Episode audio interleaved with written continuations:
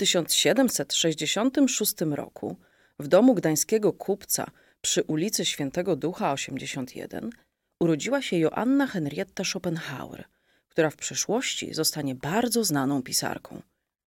W tym samym roku ceniony i zdolny gdański rzeźbiarz Daniel Egert rozpoczął realizację zamówienia złożonego przez Gdańską Radę Miejską. Daniel Egert, nim został cenionym rzeźbiarzem, był uczniem kamieniarza i budowniczego Krzysztofa Strzyckiego. Strzycki był szeroko znany w Gdańsku i poza jego granicami. Otrzymywał wiele zleceń, a dłuto kamieniarskie nie miało dla niego tajemnic. Wiedzę i umiejętności cierpliwie przekazywał swemu uczniowi Danielowi. Gdy ten zdobył wreszcie upragniony tytuł czeladnika, zgodnie z ówczesnym zwyczajem rozpoczął podróże po Rosji, Anglii, Szwecji i wielu innych krajach. W każdym z odwiedzanych miejsc starał się zanotować charakterystyczne szczegóły lub ciekawostki. Jedną z tak szczególnie interesujących rzeczy był ogród zoologiczny w Wiedniu, pierwszy taki w ówczesnej Europie. Nic zatem dziwnego, że budził duże zainteresowanie, a i mistrz Egert spędził w nim wiele godzin, szkicując znajdujące się tam zwierzęta. Szczególnie zachwycił młodego rzeźbiarza lew angolski o imieniu Akashinga, co znaczyło odważny. Wyróżniał się dostojnością, a także jasną, niemal złotą sierścią. Jego grzywa była długa i gęsta, kroki pewne, a ciało sprężyste. Mistrz obiecał sobie, że kiedyś wykuje jego wizerunek w kamieniu. Tymczasem czas podróży dobiegał końca. Egert wrócił do Gdańska, gdzie otworzył własną pracownię przy ulicy Szafarnia. Otrzymywał różne zlecenia, a że wyróżniał się kunsztem w swym fachu, szybko zdobył uznanie gdańszczan, a i jego imię poważano również w innych miastach. Nie było zatem dziwne, że niebawem Rada Miejska zwróciła się do rzeźbiarza ze zleceniem wykonania zdobnego i przede wszystkim okazałego przedproża wraz z portalem do jednej z najważniejszych budowli ówczesnego Gdańska ratusza głównego miasta. Osobą nadzorującą bezpośrednio postępy prac miał być burmistrz Karl Grodek. Słynął on z mądrości, opanowania, a przede wszystkim z odwagi. Będąc jeszcze rajcą, skutecznie bronił przywilejów miasta, a także wniósł duży wkład w ufortyfikowanie i uzbrojenie Gdańska. Na wykonanie zamówienia mistrz Daniel dostał trzy lata. Zdawał sobie sprawę, że to dzieło jego życia i przez wieki świadczyć będzie o jego talencie i kunszcie. Nie mogło być zatem za skromne, ale i też zbyt zdobne. Powinno zawierać symbolikę, którą zrozumieją wszyscy. Mimo ogromnego doświadczenia, mistrz Egert nie miał łatwego zadania. Wiele dni spędził na rozmyślaniach nad kształtem ratuszowego przedproża. Obmyślił dwubiegunowe schody prowadzące dumnie do wnętrz budynku. Sens powiek spędzał mu jednak kształt portalu.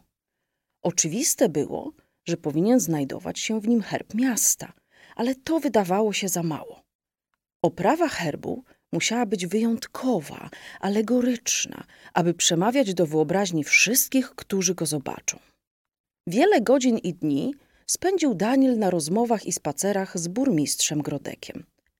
Ten doradzał rzeźbiarzowi, wskazywał ciekawe rozwiązania, a także inspirował do innowacyjnych pomysłów. Razem odwiedzili wiele miejsc, szukając natchnienia. Wzdłuż długiego pobrzeża podziwiali gdańskie spichlerze. Przy bramie wyżynnej odnajdowali sens łacińskich inskrypcji. Byli również w cysterskiej wsi Brzeźno, gdzie obserwowali pracę rybaków. Przy Wielkim Młynie omawiali jego strategiczne znaczenie dla miasta, a z bastionu kurkowego na Górze Gradowej burmistrz referował Danielowi zagadnienia obronności Gdańska. Oczywiście wiele godzin spędzili na ulicy Długiej, obserwując tamtejsze kamienice i ich architekturę. Mijały miesiące. Daniel zaprzyjaźnił się z burmistrzem Grodekiem i często gościł w jego domu przy długim targu, a i przy każdej okazji zapraszał burmistrza do swojej pracowni na szafarni, skąd zaledwie dwa kroki były na wyspę Ołowiankę. powoli zaczęły powstawać pierwsze szkice ratuszowego przedproża. Dumnie i zdobnie prezentowały się balustrady, stopnie rozplanowane były z rozmachem, lecz Daniel wciąż nie miał pomysłu na portal ratusza. Pewnego deszczowego wieczoru zrezygnowany Egert sięgnął po notatniki, aby wspomnieć swe europejskie podróże. W pewnym momencie natrafił na dziennik ze szkicami z wiedeńskiego ogrodu zoologicznego. Kartkując go, poczuł nagłą falę gorąca. Akashinga!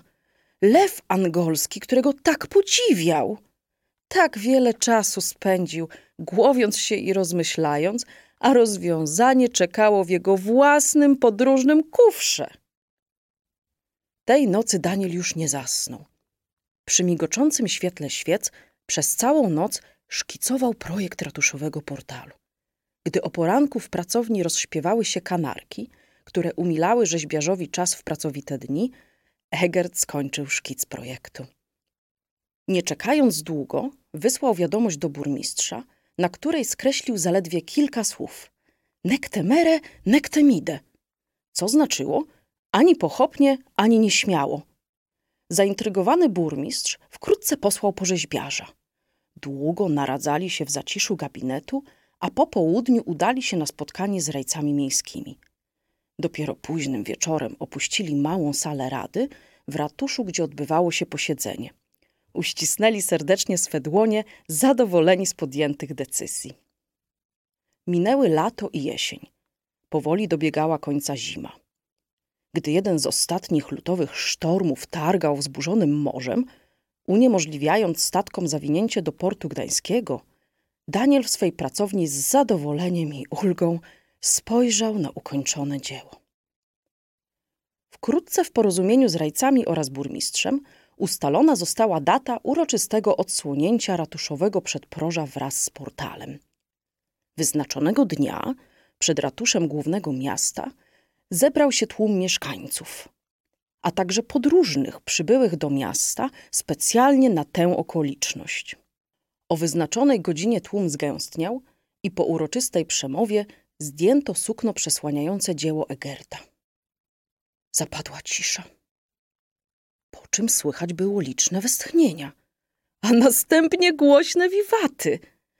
Oczom zgromadzonych ukazało się kamienne przedproże wykonane z piaskowca, z dwustronnymi schodami i ażurową balustradą, wspieraną przez dwóch atlantów, czyli posągi muskularnych mężczyzn.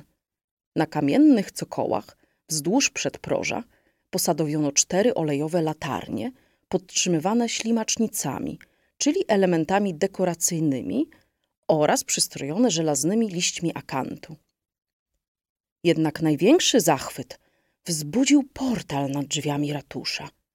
Herb Gdańska w tarczy trzymany był przez dwa lwy, bardzo przypominające akaszingę, o smukłych sylwetkach, długich, gęstych grzywach oraz groźnym spojrzeniem. Oba patrzyły w stronę bramy wysokiej, nazwanej później bramą wyżynną, która strzegła wjazdu do miasta. Na jej fasadzie, od zachodniej strony, skąd najczęściej atakowały Gdańsk wrogie wojska, znajdowały się dwa lwy, również trzymające tarczę herbową.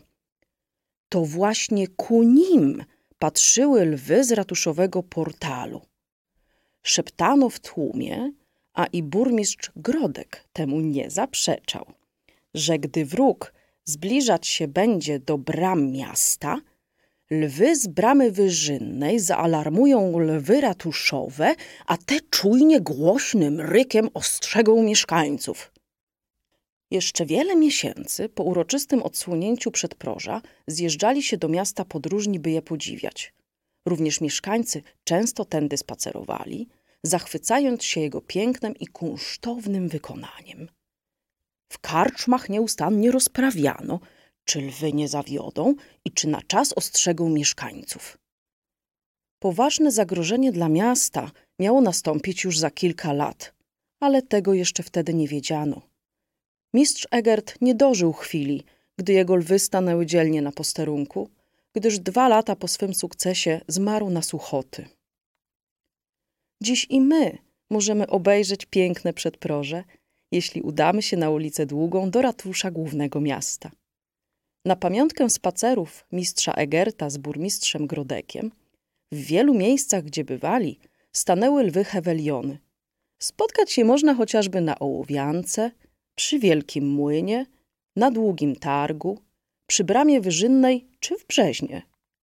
Koniecznie trzeba też odwiedzić Heweliona burmistrza, który stoi u zbiegu ulic Rajskiej i Heweliusza.